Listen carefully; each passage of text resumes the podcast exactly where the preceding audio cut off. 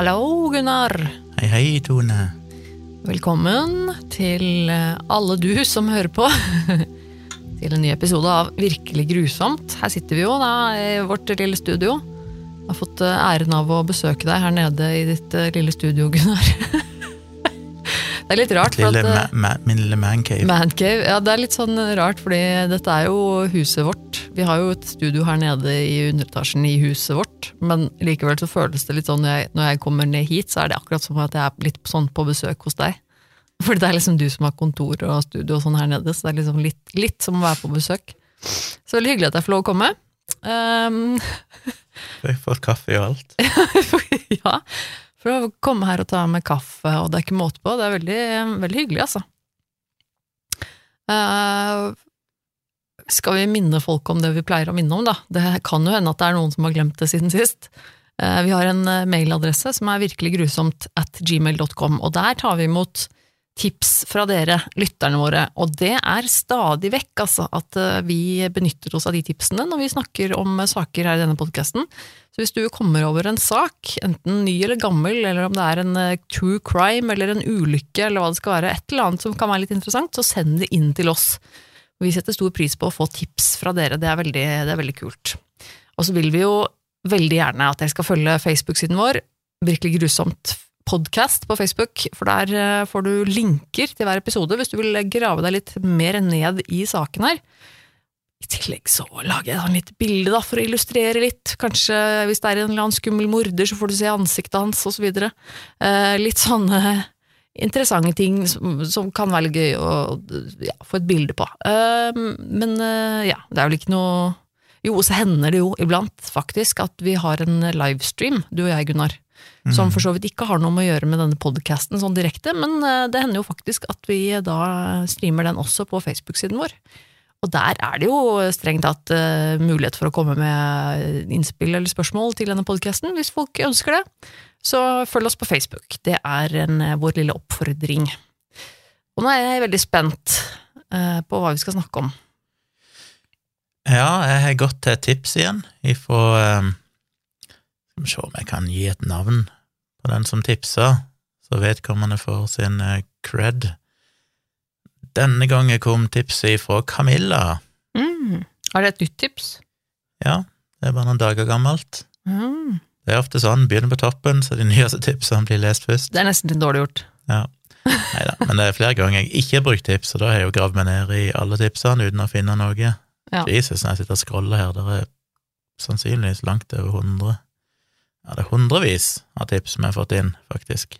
Det er ganske mange tips. Det er veldig kult, altså. Helt tilbake igjen fra 2020 ligger det ting her, så jeg må kanskje neste gang begynne på bånden. Ja, tror nesten 2020-tipsene, det. og se om jeg finner noe. Ja. Så beklager til dere, men de ligger her, de blir ikke glemt, så selv om dere føler dere oversett og forbigått, så ligger de i innboksen. Ja, Det er ikke nødvendigvis det at det er et dårlig tips heller, for at det, det Nei. kan godt hende at det er en, en sak vi kan ta opp en eller annen gang, men eh, Bare av og til så finner jeg andre saker, og så bruker jeg ikke tips.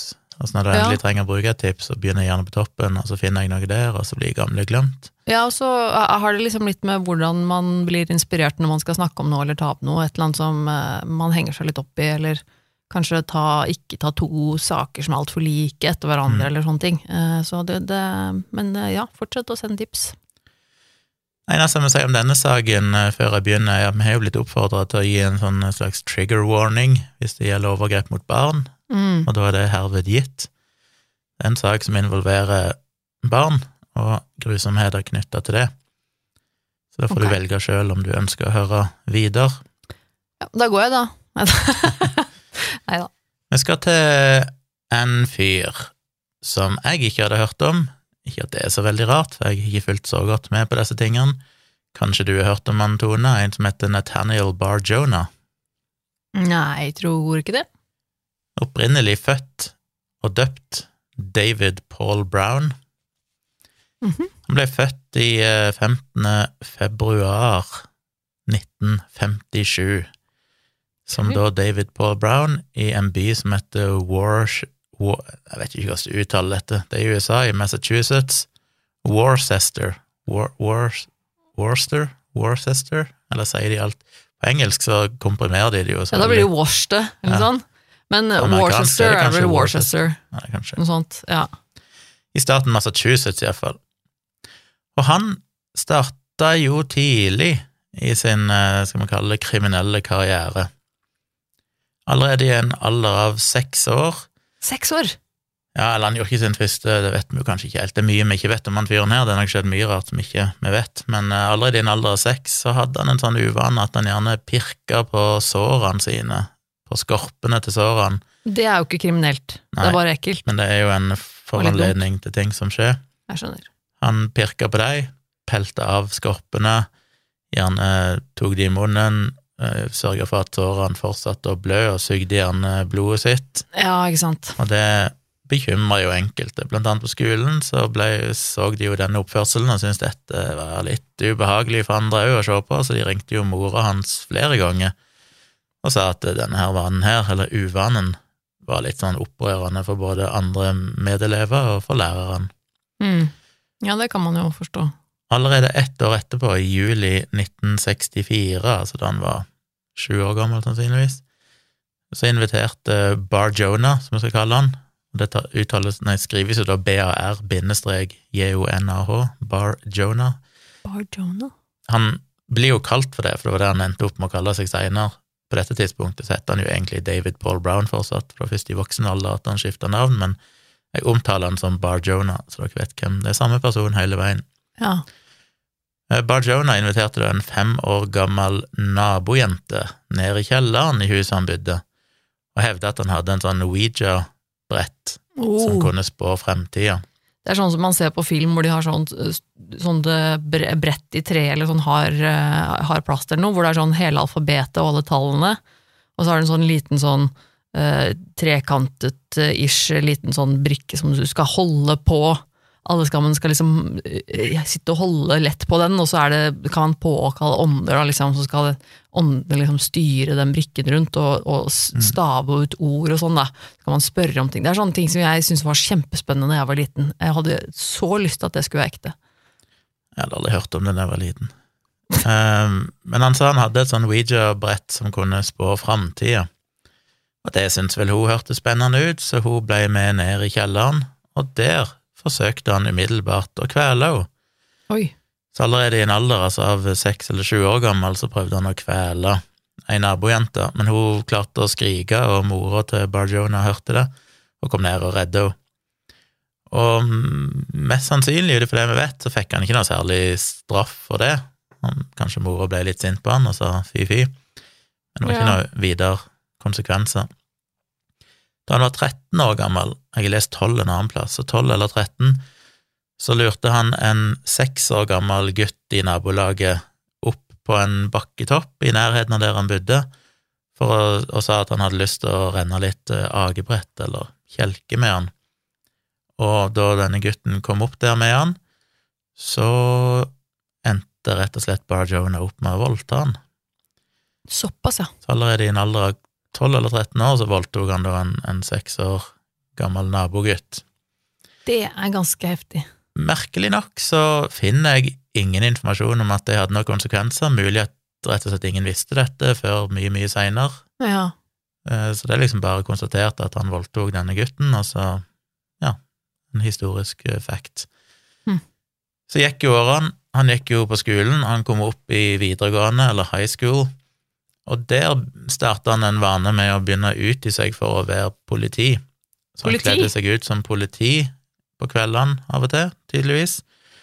Og første historien vi vet om, det var at han kledde seg ut som politi, og så klarte han å kidnappe en åtte år gammel gutt som heter Richard O'Connor, som var på vei til skolen. What? Og han tok eh, Richard O'Connor og voldtok han òg, og kvelte han inn i bilen sin.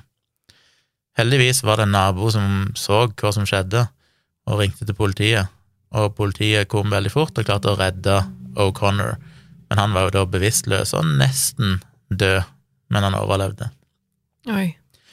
Barjona ble da arrestert og ble dømt til en Vi vet ikke hvor lenge det var, det er liksom en uh, ukjent lengde, men ukjent antall måneder med det som kalles på engelsk for probation, som vel på norsk egentlig er en sånn betinga fengsel, vil jeg anta. Ja. Så han blir ikke sittende inne i fengsel, men han blir, og det varierer jo veldig fra stat til stat og, og sånn, så det er ikke helt godt å vite hva som er inkludert, men ofte så betyr det jo at de for eksempel må ha en viss jobb, de må bo på et visst sted, de kan ikke eie våpen, eh, gjør de Mm. noen ting som helst som er bryter loven, så kan de ryke rett inn i fengsel, Ja, de må kanskje melde seg til en eller annen en offiser Ja. jevnlig, og det, det er mye sånn ja, for det er vel noen, kriterier. ja, for det er vel noen restriksjoner i tillegg. Det er vel ikke sånn at du som regel at du bare får gå fri. Det, det blir vel på en måte pålagt noen restriksjoner. Ja, av og til kan det være så- portforbud, eller at Ja, du må være inne på kvelden på ei viss tid, og, og sånn. Men Bare på få lov å rydde på dagtid, men ikke på kveldstid, for eksempel, og sånn. på dette tidspunktet så var det sa at han gikk på high school? Nei, Ja, så han var vel kanskje 17, han er fortsatt tenåring, altså. ja. Ja. Så han fikk en liten dom for det. Selv om han nesten drepte en gutt, så var det en sånn overraskende mild dom, men kanskje fordi han ikke var fylt 18 ennå, Ja, så slapp han ganske billig unna. Rart at ikke det ble Jeg skulle jo tro at det var et rent drapsforsøk, men eh, tydeligvis så fikk han da bare en, en betinga dom. Ehm, så gikk tida ikke så veldig lenge etterpå, men bare noen få dager før han var ferdig på videregående, altså før uteksaminering, og noen få dager før denne her eh, prøvetida hans, eller eh, betinga fengselet som han fikk, eh, utløpte, så kjørte han til Hartford, en by i Connecticut, og der utga han seg òg for å være politi og kidnappa ei ni år gammel jente Nei, nei, nei. som han endte opp med å voldta i bilen sin. Men hun ble jo så medtatt av den behandlingen at hun begynte å få ja, sånn krampetrekninger og kaste opp og sånn, og da syntes han det var så ekkelt at han kasta henne ut av bilen. nei. Et vitne så bilen og så det som skjedde, eller så iallfall at hun ble dumpa ut av bilen og fikk notert eh, bilnummeret og meldt det til politiet, og Barjona ble da tatt og arrestert. Nå fikk jeg aldri denne her, muligens fordi dette var i en annen stat, så gikk aldri noen rapport om at han var blitt arrestert for dette til den ansvarlige for den der eh, betinga dommen han hadde. Ja. Så derfor så ble han sluppet fri for den i mai 1976, ja. og til og med fikk et brev som takka han for samarbeidet. Det er jo litt sånn eh, kjent eh, problem, det der, nå har jeg skjønt, i, i eh, USA. Det der med at Iallfall statene pre-internett og sånn. Så ja, ja, helt sikkert, og dette her er jo en stund siden nå, så det er sikkert ikke like, like ille nå, men, men det er jo fortsatt eh, litt problem med det der. Jeg har skjønt det med at statene ikke er så flinke til å samarbeide seg imellom når det gjelder politi og etterforskning og sånn, at en stats eh, politi, eh, altså utlysninger, holdt jeg på å si, etterlysninger og, og sånne ting, ikke nødvendigvis er noe som går på kryss av eh, kommunikasjon som går på kryss av statene og sånne ting, og det er jo ikke så bra. Nei, og det er vel kanskje hovedårsaken til at det nesten ikke er noen seriemordere lenger.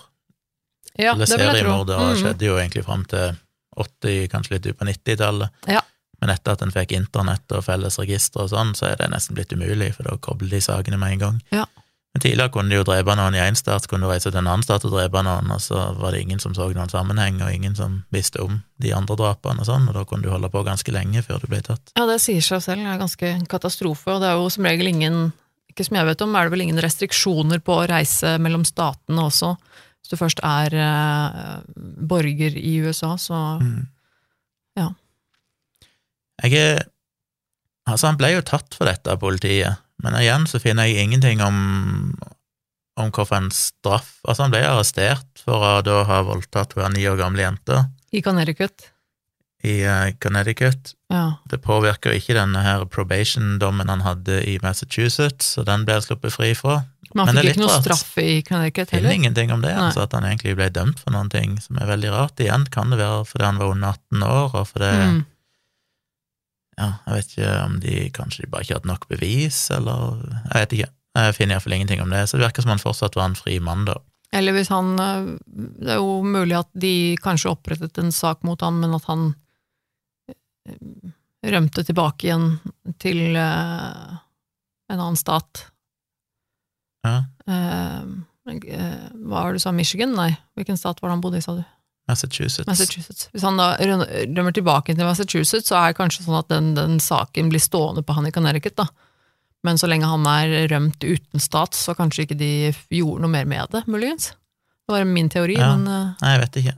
Jeg vet iallfall ingenting om hva som skjedde. Han var iallfall en fri mann fortsatt, da, etter han eh, var ferdig sona for den første dommen. Mm. Så i september, 24. september 1977 så utga han seg for å være en FBI-agent og kidnappa da to unge gutter som var på vei ut av en kino. Han tok de i bilen sin og kjørte de av gårde til et litt sånn øde område, og der satte han på de håndjern. Og Barjona hadde jo en sånn modus operandum der han gjerne prøvde å drepe ofrene sine ved å kvele dem med sin egen kroppsvekt, for dette var en ganske røslig fyr på det tidspunktet der. Jeg mener, da var han jo 20 år gammel, vel. Så veide han 170 kilo. Å, fy fader. Så han eh, tok en av guttene og låste han inne i trunken på bilen, mens den andre tok han ut forbi bilen og prøvde å både kvele han, og òg en plass leser jeg at han hoppte på brystkassa hans gjentatte ganger. Oh. En annen plass at han bare satt på han eh, lenge nok til at han håpte at han var død, og gutten hadde vært smart nok til å bare lade som han var død. Mm. Til og med da Bar Jonah visstnok hadde tatt eh, sigarettaske og blåst i ansiktet på han, så klarte han å spille død. Så Bar Jonah tenkte at ok, nå er han eh, krepert, så da kjørte han av gårde med den andre gutten i trunk trunken. Men denne oh, ja. gutten som da ble liggende igjen, så fort Bar Jonah var kjørt av gårde, så reiste han seg opp og sprang av gårde og fikk rapportert han til politiet. Oi. Og de fant uh, De lot han bare ligge igjen, faktisk. Han prøvde ikke å skjule han eller noen ting, eller? Nei, det var jo et øde område, så. Ja. Yes. Men han, han fant tydeligvis folk og fikk rapportert det. Og Bajona ble da arrestert ganske fort igjen, og den andre gutten som var låst i bilen, han ble redda. Ja, men kjære venner, nå må de jo denne gangen så ble han eh, dømt for eh, drapsforsøk, og fikk en dom på mellom 18 og 22 år i fengsel. Mhm. Men ganske kort tid etterpå så ble han overført til Bridgewater State Hospital, altså et psykiatrisk sykehus, hvis jeg skjønte. Ja. Så han endte vel tydeligvis opp med å sone dommen sin egentlig der, heller enn i fengsel, hvis jeg skjønner. Men han fikk ikke Men der fortalte han jo psykiateren, mens han var i terapi tydeligvis der, så sa han jo det at han hadde masse seksuelle fantasier som involverte drap og tortur, det å dissekere lik, kannibalisme. mm. Og det var der inne, mens han fortsatt satt, eh, hva skal du si, inn, innlagt, eller hva du skal kalle det, fengsla på sykehuset, i eh, 1984, 22. mars, altså da han hadde vært inne siden, ja, hvis han da ble satt, hvis den dommen falt samme året, 1977, eller eventuelt året etterpå, det tar av og til litt tid, han ble jo tatt 1977 for å ha kidnappet de to guttene. Men eh, lagt er sona fra 1978, da, så hadde han vært inne kanskje i seks år cirka. ja. Og da endra han navnet sitt til eh, det nye navnet, Nathaniel Barjona. Bare sånn, ja. Og det gjorde han fordi han hevde han ville, han ville liksom eh, Hva heter det eh, eh, Ære sin jødiske opprinnelse. Jaha. Og han hadde lyst til å oppleve hvordan det føltes å bli diskriminert som jøde. Jaha. Så derfor endra han navnet sitt da ifra et ganske Eller ikke så jødisk navn, hva han heter. Han heter David Paul Brown, og endra det da til Nathaniel Bart Jonah, Og det er det han har hett siden den gang. Åh, for en type. Ja. I juli 1991 så ble han da sluppet fri fra dette sykehuset. Så da hadde Men- han jo sona i kanskje 13-14 år. Vet vi noe om eh, noe diagnose eller noe som helst? eh, Nei, det er ikke funnet noen ting om det. Nei. En måned seinere, en måned etter han hadde sluppet ut, etter å ha sona i 13-14 år, så så han en sju år gammel gutt som satt inne i en bil utenfor et postkontor Så i klarte han Oxford, Massachusetts. Jaggu ikke å dy seg. Og Bar Jonah han eh, gikk bort til bilen, gikk inn i bilen og satte seg på gutten. Hæ? Igjen, fordi han tydeligvis da syntes det var gøy. Han, ba- gikk, han bare gikk og satte seg på gutten i bilen? Ja, vet ikke hva han veide på det tidspunktet, men han var fortsatt ganske svær. Men eh, så var det heldigvis folk som så at dette skjedde, og han merka at han var blitt oppdaga, så da hoppet han ut av bilen og sprang av gårde. Hva i all verden? Bar Jonah han ble da beskrevet av vitner til politiet, og en av politioffiserene som hadde arrestert han 15 år tidligere, kjente igjen beskrivelsen Mm. og gikk og oppsøkte han og arresterte han på nytt. Da hevda Bar Jonah at han hadde bare satt seg inn i bilen fordi det regna, han trengte bare sitte tørt, Han hadde bare tenkt å sitte der fram til bilens eier kom tilbake igjen for å spørre han om han kunne kjøre han hjem. Okay. Og når det gjaldt gutten, så sa han at nei, han visste ikke at det var noen gutt der, så hvis han hadde skada en gutt, så var det bare, bare tilfeldig eller ei ulykke, det var ikke noe han visste noe om. Men ble, ble gutten skadet, eller? Nei, det har jeg ikke det, lest liksom? noe om det, jeg vet ikke hvor alvorlig skada han ble, neppe så veldig alvorlig skada, men Jesus. Er jo helt eh, Men borte. seinere så innrømte han visst, uh, uvisst når dette var, men på et eller annet senere tidspunkt så har han visst innrømt at han faktisk hadde tenkt å drepe gutten da, og sitte på han til han ble kvalt til døde. Uh, For denne handlingen så fikk han igjen da to år med betinga fengsel, Mm. men en, uh, et krav om at han måtte flytte sammen med mor si til en annen plass som heter Great Falls i Montana, og aldri komme tilbake igjen til Massachusetts. Ja. Så det gjorde han for så vidt, og bodde sammen med mor si i Great Falls, og der begynte han å samle på legetøy og memorabilia, vet ikke hva, er- hva er det okay. gode norske ordet for det? Eh, Ja, hva kaller man det? Leketøy og liksom nostalgiske sånne duppedingser, eller sånn nips, egentlig. Ja. Mye relatert til Star Wars, og han Ja. hadde organisert òg da sånne slags kalle loppemarked, eller sånn der han solgte ting i, ute i bakgården, som eh, tiltrakk seg mye barn, selvfølgelig, som syntes det var stas, så kunne Mhm. kjøpe litt legetøy og sånn. Uvisst om det egentlig førte til noe, men eh, i Montana så endte han opp da i clinch igjen med, med lovens lange arm i desember 1993. Det er altså et par år etter at han slapp ut av fengselet, Mm. eller sykehuset. Og der ble han anklaga for å ha forgrepet seg på, en åtte år gammel gutt som han var barnevakt for. Mm. Hans forsvar for å si at det ikke kunne stemme, var at hvis han virkelig hadde gjort det, så ville han nok ha drept gutten. Så siden gutten ikke var drept, så var, det, var det nok en falsk anklage at han hadde Jaha. forgrepet seg på han. Men eh, den saken ble henlagt fordi advokaten hans hevda at det var noen sånn technicality som hadde blitt brutt, så den saken ble aldri fulgt opp noe videre. Oi, ok. Så er vi da i 1996, Han og da kommer kanskje en av de store sagene her. I 10. februar 1996 var det en ti år gammel gutt som heter Zack Ramsey, som plutselig forsvant på vei til skolen. Og en vet jo faktisk aldri i ettertid hvor han ble av, men det er vitner som sa at de så en off-white-farga bil eller van som holdt på å kjøre på Ramsey, var én ting som ble sett mens han gikk langs veien.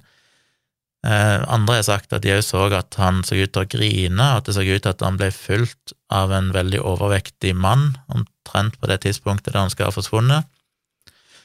En eh, politietterforsker som heter Bill Beluski, som var med og etterforske denne saken i 1993, han eh, ble tildelt denne saken og jobba ganske intenst med den da over lengre tid og prøvde å finne ut hva skjedde egentlig med Zack Ramsey. Han fikk jo da blant annet ei liste over registrerte seksualovergripere som bodde i det området fra FBI, men den lista ignorerte han egentlig bare, og valgte å heller fokusere på Bar Jonah. Og han, han var ikke i noen sånn Han var ikke oppført i dette registeret. Nei, ok. Mest sannsynlig fordi han hadde vel kanskje ikke blitt dømt for noe i den staten. Nei, ikke sant. Ja, nei, det kan Så, nok eh, være Det er nok rimelig å anta, ja. Så først så prøvde han visst, sammen med noe politi, å komme seg inn i huset der Barjona bodde med mor si, men de slapp de tydeligvis ikke inn, så da søkte han om å få en eh, ransakelsesordre for å kunne ransake huset hans. Mm. Den fikk han ikke innvilga. Men han fant seinere ut at Barjona hadde tilgang til moras Off-White Toyota Corolla. Nei, det var ikke en van, det var en stasjonsvogn. Ja. Nei, en Corolla er det, det er ikke en stasjonsvogn. Jo. Er det det? Ja. Ah, Ok. Anyway, så tydeligvis hadde han tilgang på en bil som ligna på den bilen som ble beskrevet, og skal nesten ha kjørt på Zack Ramsey den dagen han forsvant. Eh, Bar Jonah er visst òg De fant òg ut at han hadde hatt på seg en mørkeblå jakke den dagen, som ligner veldig på da en politiuniform, og var ut ifra alle vitnebeskrivelser, eller det de vet om hvordan han bevegde seg, så var han alltid veldig nær det området der Ramsay befant seg til enhver tid. De fant òg ut at han hadde nevnt navnet til Ramsay til en venn av seg noen få dager før han forsvant. Jaha. Det er litt rart, at han hadde tydeligvis snakka om denne gutten. Så eh, Beluski, altså denne politietterforskeren, igjen prøvde å få da en ransakelsesordre for å sjekke huset hans, men fikk ikke det innvilga denne gangen heller. Og en liten stund seinere så endte Bajona opp med å flytte ut av huset til mor si og fikk seg sin egen bolig. Mhm. 13. desember 1999, altså nesten fire år seinere, ja, ja, fire år senere, ja. ja, så ble Etter at han eh, ble forsvant, han gutten. Ja, foreløpig så er det ingen som er blitt tatt eh, Altså, han kom ikke noen vei med den etterforskninga si når det gjaldt uh, Barjona. Men 13. desember 1999 så ble da Barjona observert utenfor en barneskole. Tre ganger i løpet av noen få dager så så de at han luska rundt der, og igjen så hadde han på seg en mørkeblå jakke og en cap, og hadde visstnok uh, blitt sett bærende på to kanner med pepperspray, en legepistol og en sånn politiskilt på brystet eller noe sånt, eller i, lomma eller et eller annet sånt. Mm. Um, så Beluski, på det grunnlaget der, så endte han opp med å sikte Barjona for å ha utgitt seg for å være politi, og for Mm. å ha båret et våpen, eller et skjult våpen. Mm. Og da fikk han innvilga ransakelsesordre for å sjekke om det fantes andre ting som kunne backe opp dette, da, at han hadde utgitt seg for å være politi, både i huset til mora hans og der han nå bodde alene. Og da de ransaka disse eiendommene, så fant de to jakker, en som var mørkeblå, og en annen som hadde en slags sånn ja, legepolitiskilt i, i lomma. De fant òg et annet sånn legepolitiskilt. De fant et elektrosjokkvåpen og en baseballcap der det sto Security Enforcement på capen. Mhm. Og mens de leide rundt i huset, så fant jeg jo at eh, i taket på kjøkkenet inne på eh, Altså, i taket på kjøkkenet i leiligheten til der Barjona nå bodde, så var det festa en sånn talje som er ja, Hvordan beskriver du en talje? Pulley på engelsk. En sånn eh, greie du kan ta et tau over for basically løfte ting. Å ja, ja, Egentlig sånn hjul der du bare ja, tar sant. tau over. Ja. Mm. Så det var festa opp i taket på kjøkkenet. For De å fant- egentlig kunne dra opp ting som har litt tyngde, da, så går Ja. det på en måte over en sånn eh, i, i sånn krokaktig i taket, som har et sånt lite hjul, sånn, at- sånn at det blir lettere å, å dra opp tyngden. Mm. Ja. Ja. De fant òg eh, to album som var fulle av bilder av barn som var klippet ut fra forskjellige muligens magasiner og forskjellige ting. De fant òg to dokumenter som handler om eh, bondage, altså sånn tauknytting, eh, taubinding-lek, Mm. og autoerotisk asfiksia, altså det å kvele seg sjøl for å få seksuell tilfredsstillelse. Mm. Så det var tydeligvis en greie han hadde. To dager seinere så fikk Beluski enda en ransakelsesordre for å, å granske disse leilighetene enda mer, for å se om de kunne finne noen flere dokumenter eller noe mer fotografisk materiale. Og bortsett, eller I tillegg til det de allerede hadde funnet, så fant de da òg ei liste over navn på gutter, som i stor grad så ut til å være guttenavn ifra da han sjøl var barn i Massachusetts, og Mm. inkluderte det navnet på tre gutter som han hadde da forgrepet seg på tidligere. Og de fant òg navnet Zachary Ramsey skrevet i den lista, og på sida av det navnet så sto det skrevet i store bokstaver 'Died'. Nei! De fant òg 3500 bilder av barn, de fant masse nyhetsartikler som han hadde klippet ut fra aviser som omhandla Ramsays forsvinning, og de fant òg filmruller som, inne, som ikke var fremkalt, som inneholdt seksualiserte bilder av Barjona og tre uidentifiserte gutter. I tillegg så fant de ei bok der innholdet var skrevet i kode, og det tok litt tid før de klarte å knekke den koden, men da de endelig knakk koden ved hjelp av FBI, tror jeg, så fant de at det rett og slett var oppskrifter, og dette er jo spesielt. Og nesten det er veldig galt å si at det er morsomt, men eh, nesten litt morsomt. Jaha. Eh, han hadde da oppskrifter som heter for eksempel Little Boy Pot Pie, Nei. French Fried Kid Nei. og Little Boy Stew. Oh my lord. Så det skal han jo ha for kreativiteten at han tok seg tid til det. ko kokebokoppskriften hans Ja. på hvordan han spiser små gutter, liksom. Det er jo ganske spesielt, ja, vil jeg si. I garasjen så fant jeg òg en svær, et sånt svært stykke med tre, da, med sånn, sånn bordplate, som var bleika og, og liksom virkelig rengjort, men som òg bare merka at han hadde blitt hakka i flere ganger da, med en sånn kjøtt, eh, kjøttkniv, Ja. som tyda på at han tydeligvis hakka opp eller kutta kjøtt på den.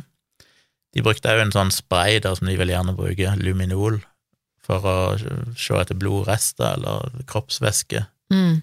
Og når de gjorde det, så fant de at eh, på gulvet så hadde det tidligere en gang vært skrevet ordet Tita, T-I-T-A, Tita? og det linka de, uten at de har noe bevis for det, til en gutt som var 15 år gammel, som heter James Teta, T-E-T-A, som ble funnet voldtatt og kvalt i en plass som heter Ringe i Aha. New Hampshire i 1973. Altså, dette var jo Nå, er vi jo i 1999, så dette er jo ja, 5-26 år tidligere. Ja. Nå har ikke han blitt knytta til den saken der, annet enn at de da fant ordet Tita skrevet på gulvet, som de ikke hadde noen annen forklaring på enn at de da tydeligvis lenka det til han James Teta. Men hvor Ja, ok. Så de fortsatte å, å granske denne saken, og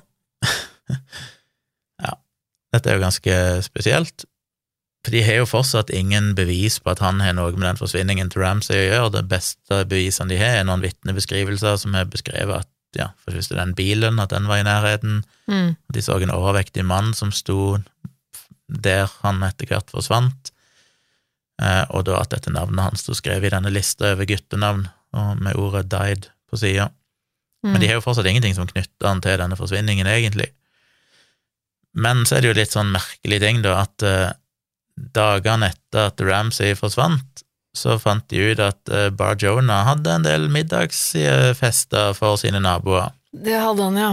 Og der serverte han det han kalte for hjorteburgere, som visstnok eh, skal ha blitt beskrevet som å smake litt rart, Nei. men han sa jo sjøl at han hadde jakta, drept, eh, slakta og liksom tilberedt dette kjøttet sjøl, som sikkert var helt sant, bortsett fra at det kanskje ikke var en hjort han hadde slakta, men kanskje en liten gutt. Det viser seg òg at han eh, hadde jo ikke noe våpen, han hadde ikke noe jaktlisens, og så lite tyder på at han hadde vært ute og jakta noe dyr for dette her. De fant òg ut, når de så på kredittkortet hans, at den måneden etter at, eh, at eh, Ramsay forsvant, så gikk aldri Bar Jonah i butikken og gjorde noen større innkjøp av mat. Det er jo ikke noe bevis i seg sjøl, han kan ha gått og kjøpt mat og betalt med cash, eller han kunne ha hatt mat lagra. Jo, han litt jo sånn indisier, liksom, men uh, ja. En tidligere eh, en fyr som delte bolig med Bajona tidligere, sa at han hadde sett et par med blodige hansker, og òg noen gutteklær som var liksom grisa til, som matcha det som Ramsay skulle ha hatt på seg. Det hadde han sett inn i leiligheten til Bajona. Og Bar Jonah hadde òg overraska folk en del ganger ved å plutselig, midt i en samtale, dra inn han her Ramsay. For eksempel når noen så hadde han sagt en gang at ja, Ramsay kommer aldri til å bli funnet, for han er nok blitt hakka opp, og kroppsdelene hans er nok spredd over mange plasser. Da de granska boligen hans enda mer, så fant de at i hans kjøttkvern på kjøkkenet, så fant de rester av det som minner om eh, menneskelig hår, og dette ble da nærmere analysert, og de fant at det håret, DNA-et fra håret, og 21 beinfragmenter som de fant i boligen hans, som da skal ha hørt til en knokkel fra en gutt som skal ha vært mellom 8 og 13 år gammel, ifølge analysene. Mm. Så fant de at DNA-et fra dette håret og disse beinrestene stamma fra to forskjellige eh, svarte amerikanske gutter, men ingen av de var Ramsay. DNA matcha ikke han. Mm. De fikk heller ikke undersøkt eh, røyrene i denne boligen, for det at eh, etter at han hadde flytta ut, jeg vet ikke om dette hvilken bolig det er snakk om, en eller annen bolig han har bodd i der som de fant disse tingene i, men han har tydeligvis flyttet ut etterpå. Så var det noen nye naboer som hadde flyttet inn, og de hadde bytta ut alle rørene fordi at de hele tida tetta seg når de brukte de. Ah, Som òg kan jo være litt mistenkelig.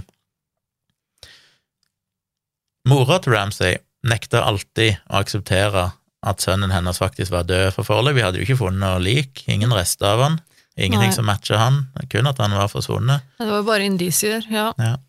Så hun nekta helt å akseptere det, og så er det jo ekstra deprimerende at selvfølgelig så var hun i kontakt med en påstått eh, selverklært eh, klarsynt, ja mm. som klarte å overbevise om at Ramsay levde i beste velgående i Italia. Nei, fy fader. Og hun var så overbevist om dette at hun faktisk sa at hun ville forsvare Bar Jonah hvis hun måtte vitne i en rettssak om sønnens drap. For hun nekta å akseptere at sønnen var drept. Hun var helt overbevist, basert på denne klarsynte, blant annet, fader. At han fortsatt var i live, men bare hadde rømt til Italia. Mhm. Eh, til slutt så droppa de all siktelsen mot eh, Barjona knytta til Ramsay, for de hadde ingen bevis, og politiet valgte heller å fokusere på andre mulige ofre som han kunne ha vært involvert i. Ja. To navn i denne lista over gutter som han hadde skrevet, de bodde, viser seg å være gutter som bodde i den samme bygningskomplekset, eller samme leilighetskomplekset der han sjøl bodde, og de fant at de òg var to av guttene som var på en av filmrollene som de fremkalte. Mm. Og en av guttene da innrømte at Bajona hadde invitert de til å overnatte hos seg, og hadde da forgrepet seg seksuelt på de. ja, for det er så, de ja, som fremdeles var i live, ja. Så det var den ene gutten. Den andre gutten som var på disse bildene og i denne lista over navn, han nekta for at noen ting hadde skjedd, og gikk til og med så langt som å besøke Barjona i fengsel og skrev brev til han og sånn, sa at Barjona var hans venn, og at han hadde aldri skada han. Mm. Men uansett så endte Barjona opp med å bli eh, sikta for seksuelle overgrep, for eh, kidnapping og for eh, ja, vold, eller angrep med et dødelig våpen. Og det Mm. våpenet i dette tilfellet tror jeg faktisk er denne her taljen i taket på kjøkkenet. For de hadde visst funnet det på bildet, at han hadde da praktisert sånn erotisk kvelning sammen med en av disse guttene. Så tydeligvis da hatt et tau over den, bundet rundt halsen og kvelt hverandre eller seg sjøl. Ikke til døde, selvfølgelig, men, Mm. men mens de gjorde et eller annet seksuelt. Så han ble eh, dømt til slutt. I 2002 så fikk han 130 år i fengsel uten mulighet for prøveløslatelse. Men han ble jo aldri dømt for noen drap. Det han ble dømt for, var da som sagt eh, seksuelle overgrep og kidnapping og dette her angrep med dødelig våpen, som egentlig var denne seksuelle kveldinga. Yes. Så det var det han ble dømt for til slutt. Og han satt i fengsel fram til 2008, ikke så veldig lenge, altså, før han endte opp med å dø av et hjerteinfarkt fordi han fortsatt var veldig sterkt overvektig. Ja. Og tre år seinere, i 2011, så gikk Ramsay sin far og fikk sørga for at Ramsay ble erklært død, Mm. selv om mora fortsatt eh, var veldig uenig og kjempa imot akkurat det.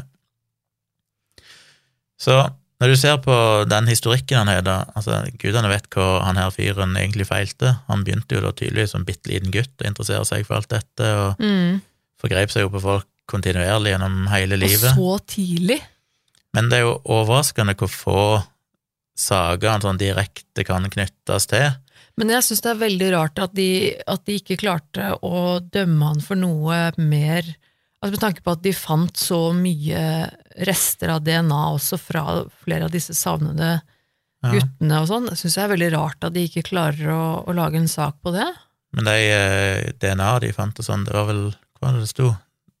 Det ble vel aldri knytta til noen faktiske, konkrete personer. Det var bare at det matcha ikke Ramsey, det var alt de visste. Å nei, og så hadde de ikke noen andre å matche det opp mot. Så de har aldri funnet noen Ja, men, lik eller noe. men likevel at de, de fant knokkelrester da, som de kunne antatt var fra en, fra en Ja, gutt. um, men igjen, in, Man kan altså, jo ha gravd det opp ifra en uh, kirkegård. Altså du kan, Ja, det er jo ikke men er bevis for at han har drept noen. veldig mange indisier, da, så det er jo Ja, ja. likevel litt, litt rart, Men han fikk jo 130 års fengsel. Så det, Jo, jo, sant. Ja, jo. det er tydelig at de var ganske overbevist om at han var involvert i ting, men de Ja. måtte bare ha noe konkret å ta han på. Og da hadde de gode nok bevis for at han da hadde voldtatt eh, gutter og seksuelt misbrukt og sånn, så de klarte å ta han på det.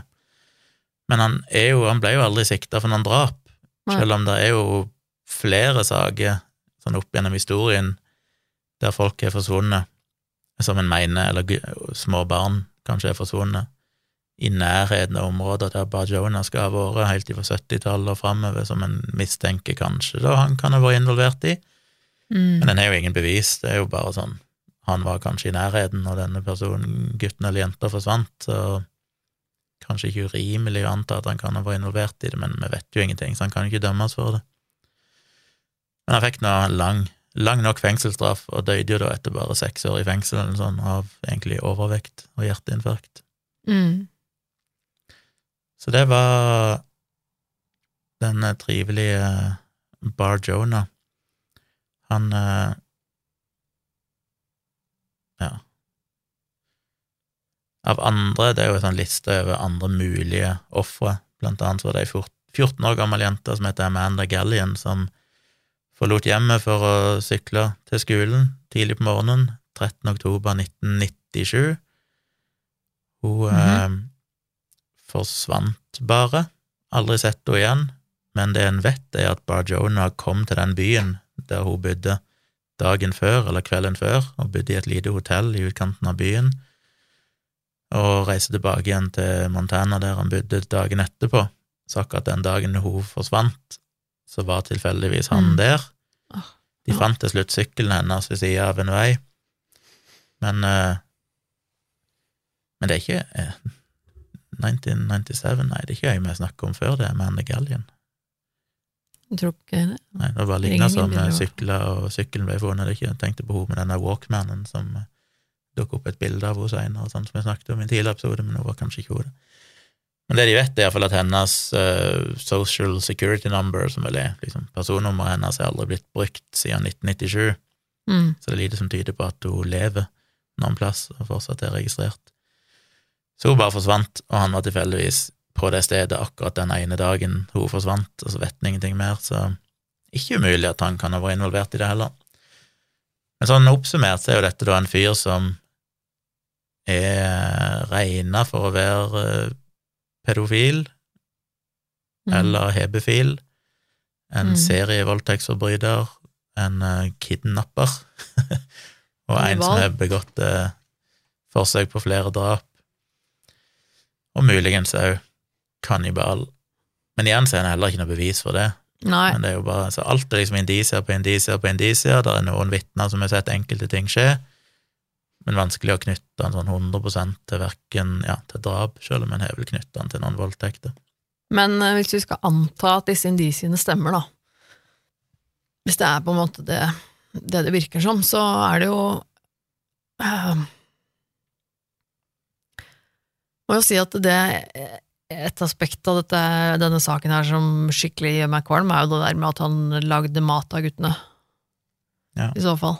Og at han faktisk da og jeg, altså, Det er jo superkvalmt, og Men ve, altså, veldig taktisk lurt, da, av han, hvis det stemmer. Altså, å, å kvitte seg med kroppen på den måten er jo smart, selvfølgelig. Det er jo veldig, veldig vanskelig å spore opp når han øh, kvitter seg Ja. med, med, med, Du kvitter deg jo med deler av kroppen, men det er klart veldig mye av kroppen får du ikke kvitta deg med på den måten, som ikke er spiselig, så det hjelper det er jo bare klart, delvis. men, øh, men det er jo tydelig at han har vært øh, kanskje veldig flink til det, da. Og så kvitte seg med, med kroppsdelene, og det er jo også sånn Siden røyrene tetter seg hele tiden, så kan en jo ha skylt ting ned i do, eller han kan ha brukt i amerikanske hus, er det vel gjerne en sånn kjøtt, nei, sånn kvern i vasken.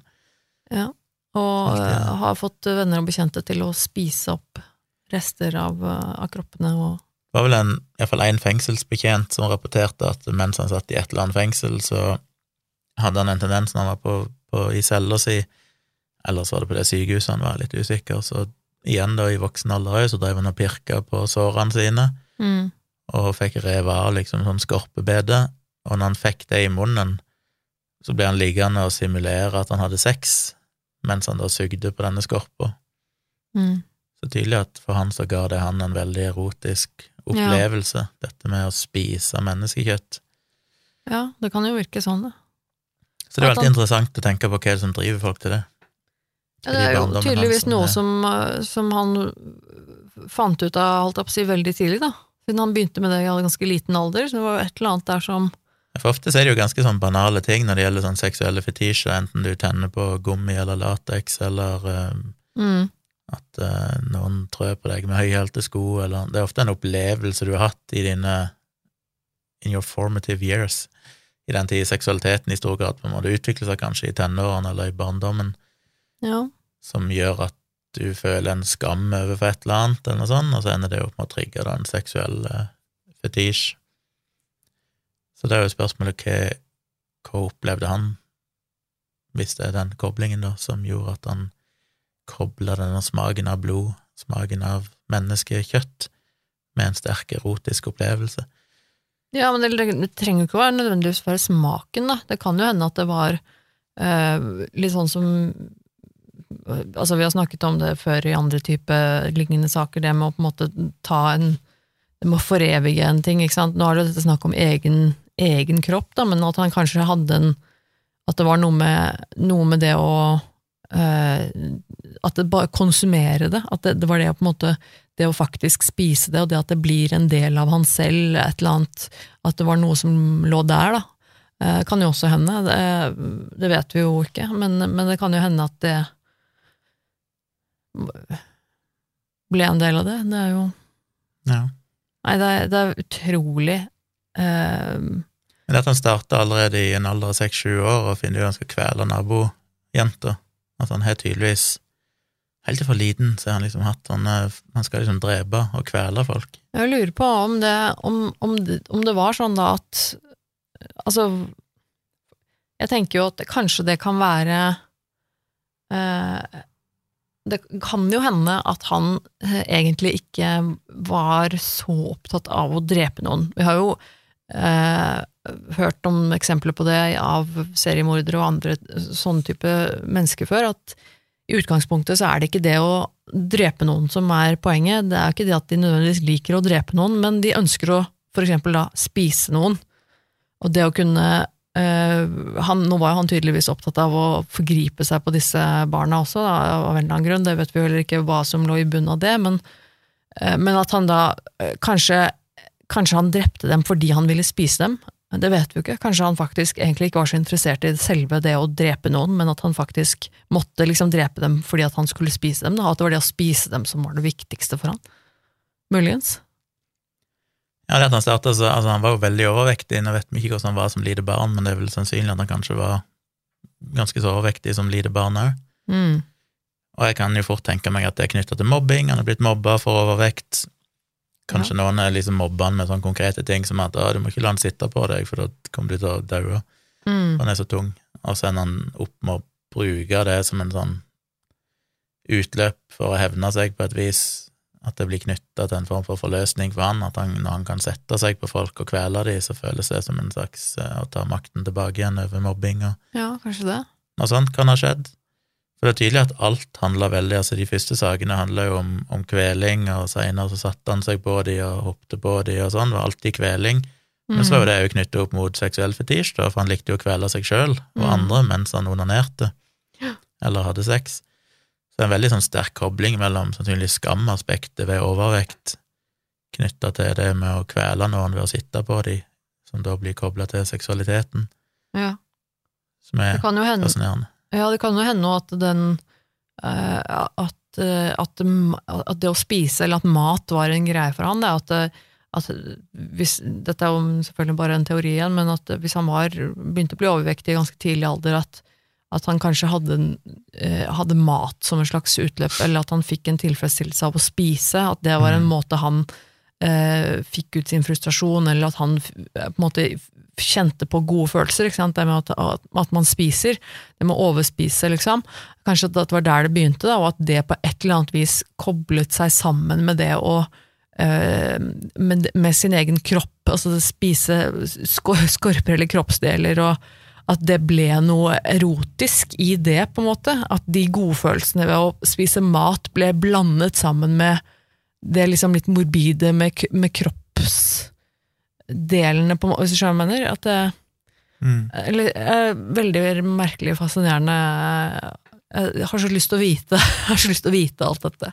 Jeg skulle ønske det var mulig å finne svar på. Om, eh, jeg har så lyst til å Jeg skulle alltid ønske sånne tilfeller hvor det her, hvor, at man kunne få Kan vi ikke få noen profesjonelle til å, til å få et intervju og sitte og grave i hodet hans, holdt jeg på å si, helt figurativt, med, med, Altså, det fins jo der, garantert er så mer informasjon. Det er jo skrevet en eh, serie med tre bøker, visstnok, om Ja. han, en sånn trilogi som handler om egentlig han, så det kan godt være det finnes mye jo psykiatrisk innsikt der, men det, det står ikke oppsummert i noen av de artiklene jeg har lest om han, så nevner de ikke det. men jeg bare nevner en setning bare, som ble funnet i en av hans oppskriftsbøker, som jeg glemte å nevne.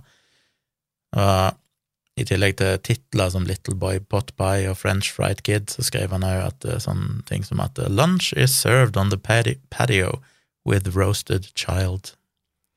En sånn setning som har gått igjen i mange av beskrivelsene av han, da, som er fascinerende. Han var tydeligvis veldig opptatt av mat etter at Ramsay forsvant, så inviterte han jo folk da Mm. på, på middager. Da serverte han burgere, spagetti, chili, kjøttpai og forskjellige sånn gryteretter sånn med kjøtt i. Ja, hvis du tenker på det bare sånn, sånn rent fysisk et, et, eh, Jeg husker ikke hvor, hvor gammel var det du sa at han, han Ramsay var? Jeg husker ikke, ti år eller noe sånt. Ti år, ja. Og Eller var 14? En, ja, nei, jeg tror, ja, det stemmer, han var ti år, jeg tror det var det du sa. Men uansett, da, en gutt på ti år, det er jo ganske mye kilo med kjøtt. Jeg tenker at det, år, ja. da, har du, da, da har du jo kjøtt for en god stund. Ja, ja. Så det er klart at det, det er ikke helt usannsynlig at. Ja, ikke sant? Det er ikke helt usannsynlig at han skulle klart å lage mye middagsselskaper på, på så mange kilo. Så det kan jo hende at det stemmer. Det er så mange sånne rare ting, sånn som etter at han, eh, en av gjestene han hadde på besøk, som da er blitt intervjua seinere og sagt at uh, hun hadde sagt til han at hun syntes dette kjøttet smakte motbydelig. Og det var da han hadde svart at ja, men han hadde personlig jakta og drept og, Mhm. og sånn dette, dette kjøttet. Så står det i en sånn bisetning at uh, he would later be accused of molesting this woman's son. Det er kanskje en av de naboguttene i den bygningskomplekset han bodde, som da Ja. Mulig at det var mora til en av dem. Det er liksom en del sånne der han tydeligvis har gjort et eller annet mot noen unger, men så vet han ikke helt om han egentlig ble dømt for det, eller hva som skjedde. Det er så rart. Mm. Men det er jo lenge siden. Han var jo ung på en del av de her tilfellene, så det er mulig han bare slapp billig unna. Men det er vel også et sånt eksempel på at kanskje noen burde ha grepet inn tidligere, når du både i en alder av seks-sju prøver å kvele nabojenta, Ja. i en alder av tolv ender opp med å voldta en gutt i nabolaget, en liten gutt på seks år, og så ser det ikke ut til å ha noen konsekvenser. Og så fortsetter det bare. Det er jo det som er litt sånn Ja, det, det er øh, veldig tragisk. Men det er jo litt sånn typisk føler at eh, nå vet vi jo selvfølgelig ikke sikkert at, eh, at det ikke skjedde noe, da. Vi vet jo ikke om det hadde noen konsekvenser. Det, det er jo på en måte Ja. bare det vi kan anta fordi vi ikke finner noe info om det. Men, men det er jo kanskje ikke så innmari rart, da, med tanke på hvilken tid det var. Det er jo ganske lenge siden det her, og, og jeg tror vi er ganske mye mer opptatt av og flinkere til den det i dag, det å fange opp tidlige eh, symptomer og tidlige signaler fra barn Ja. på, på litt sånn forstyrrende eller eh, eh, vanskelig atferd.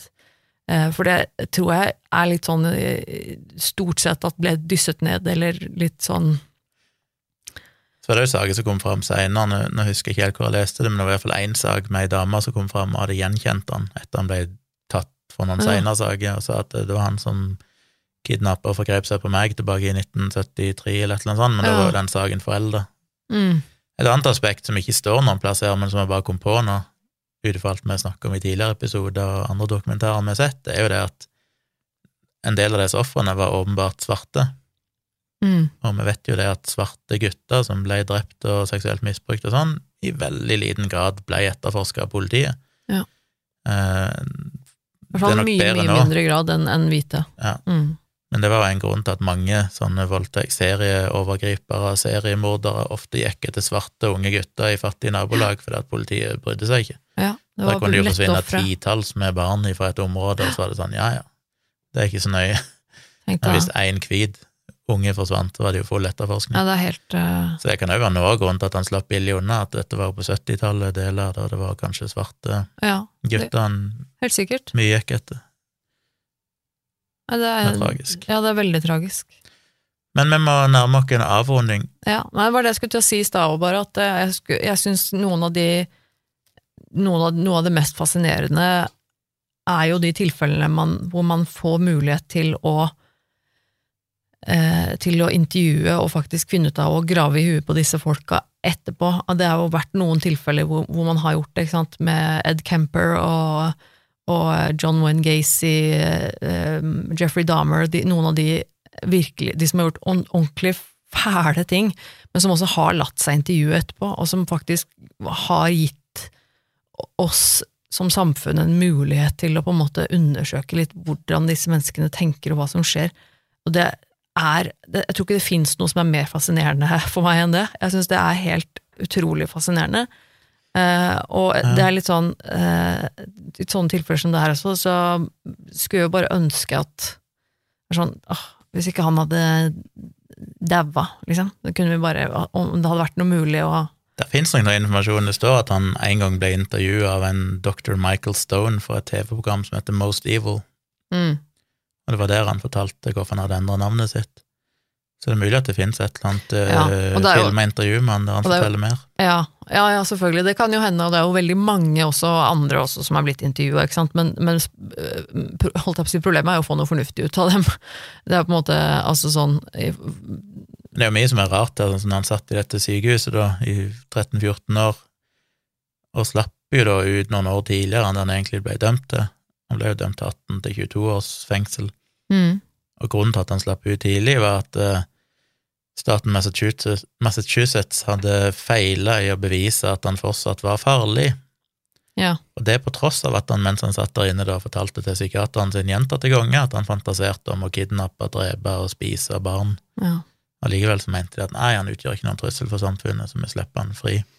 Mm, Så da må det jo enten være at de har ment at ja, men dette er bare en sjuk person som fantaserer, dette er ikke reelle Dette er ikke noe han er truende til å gjøre, som igjen Mm. er litt sånn rart, gitt at han allerede før det da er voldtatt og kvelt. Og mm. det, det er vanskelig å forstå Ja, det er hvordan han kunne slippe ut tidlig allerede den gangen. Ikke at det nødvendigvis hadde hatt noen forskjell om han hadde sittet et par år til, så hadde han kanskje fortsatt gjort de samme tingene han slapp ut, for ja. det gikk jo bare en måned fra han slapp ut og han forgrep seg igjen. Så Nei, det, jeg syns også det er rart, for én ting er jo om du sitter hos en, en psykolog og forteller om at du har eh, sære fantasier, og fantasier om ting som kan være ulovlige, eller hva som skal være, men det, det i seg selv er jo ikke nødvendigvis eh, noe tegn på at du er en farlig person. Eh, så, så, men, men, men det er jo det med at han faktisk har en histori historikk da, på dette tidspunktet, med at han har faktisk at han har faktisk ja, At han faktisk er farlig, eller har vært farlig og gjort sånne ting. Det er jo det, det som er litt rart for meg, da. At, at da det ikke likevel blir på en måte uh, Ja. Ja, For på det tidspunktet hadde han jo, som sagt, både kvelt og voldtatt opptil flere barn og kidnappa Mhm. fem-seks barn som var kjent for politiet. ja. Prøvde å kvele de og, og forgrepet seg på de og sånn, så det er jo litt rart å tenke at nei, dette er nok bare løse fantasier. ja. Ja, nei, for det er, ikke sant? Det, er, det er liksom det med at du, du, det, ingen skal arresteres for å ha fantasier, uansett hva du fantaserer om. Men det er liksom handlingene da, som er noe med at han faktisk har bevist at han, han er i stand til å gjøre disse handlingene. Det, er litt, eh, det er litt spesielt. Men de får uh, rate det, da, på en Ja, grusomhetsskala. dette er jo øh, Ja, dette er ganske jævlig. Uh, her er det jo mange aspekter som, som gjør dette til uh, en sak som havner høyt på skalaen for min del. Her er det jo snakk om uh, både overgrep og, og mest sannsynlig flere mord. eh, også av små barn. Um, og det, Bare. Han er jo aldri tatt for å ha forgrepet seg på noen som er over liksom 14 år. Nei, ja, men altså av barn, da. Mm. Og, eh, og det med at han muligens også har ikke bare spist selv og vært kannibalisert eh, disse barna selv, men muligens også fått andre til å være med på det. Eh, og det at han kom unna med veldig mye, og her, veldig Altså, det, de barna her ble jo utsatt for eh, ekstremt grusomme handlinger. Så jeg syns jo dette er eh, Jeg prøver å tenke på eh, Jeg prøver å tenke på hvilke saker jeg har rata på grusomhetsskalaen tidligere som har blitt ti, og jeg tenker at denne her kanskje er ni. Bare fordi Ja. at eh, Nei, ja, jeg er litt usikker. Ni eller ti. Ja, den har jo Det er, det, er så mange, det er så mange ting jeg ikke vet også. Fordi at det er så mye som er både Jeg har gitt det som er kanskje sannsynlig. Ja, Jeg vet at han har prøvd å drepe opptil flere. ja, Med stor sannsynlighet så har han drept opptil flere barn. Vi vet at han har torturert flere barn, vi vet at han har voldtatt flere barn, eh, og vi vet at han Eller vi vet ikke, men det er sterkt sannsynlig at han òg har tilberedt barn som mat og spist de og servert de til andre. Så det er jo egentlig hele smørbrødlista av de verste ja, tingene. nei, ja, og med tanke på Jeg tenker også eh, i, med liksom folk rundt, eller hvor, hvor mange det er snakk om, hvor mange han har påvirket, og eventuelt hvor mange som er blitt eh, jeg tenker, Nei, ok, jeg, jeg kan gi den en ti, fordi det er eh, Det er nok flere enn vi tror også, eller flere Når vi tenker på alle disse som du nevnte, som på en måte er hun dama som kommer i etterkant og sier at 'å, det var jo han som forgrep seg på meg'. De tilfellene der er sikkert også flere enn det vi vet om. Mm. Så jeg tenker at eh, nei, han får, bare, han får en tier av meg, vær så god. Ja, han ble født i 57, og eh, døde da i 2008, da var han 51 år gammel. Mm. ble fengsla i 2002, eller ble, ble tatt i 1999, så ja, Han holdt jo på i nesten 40 år.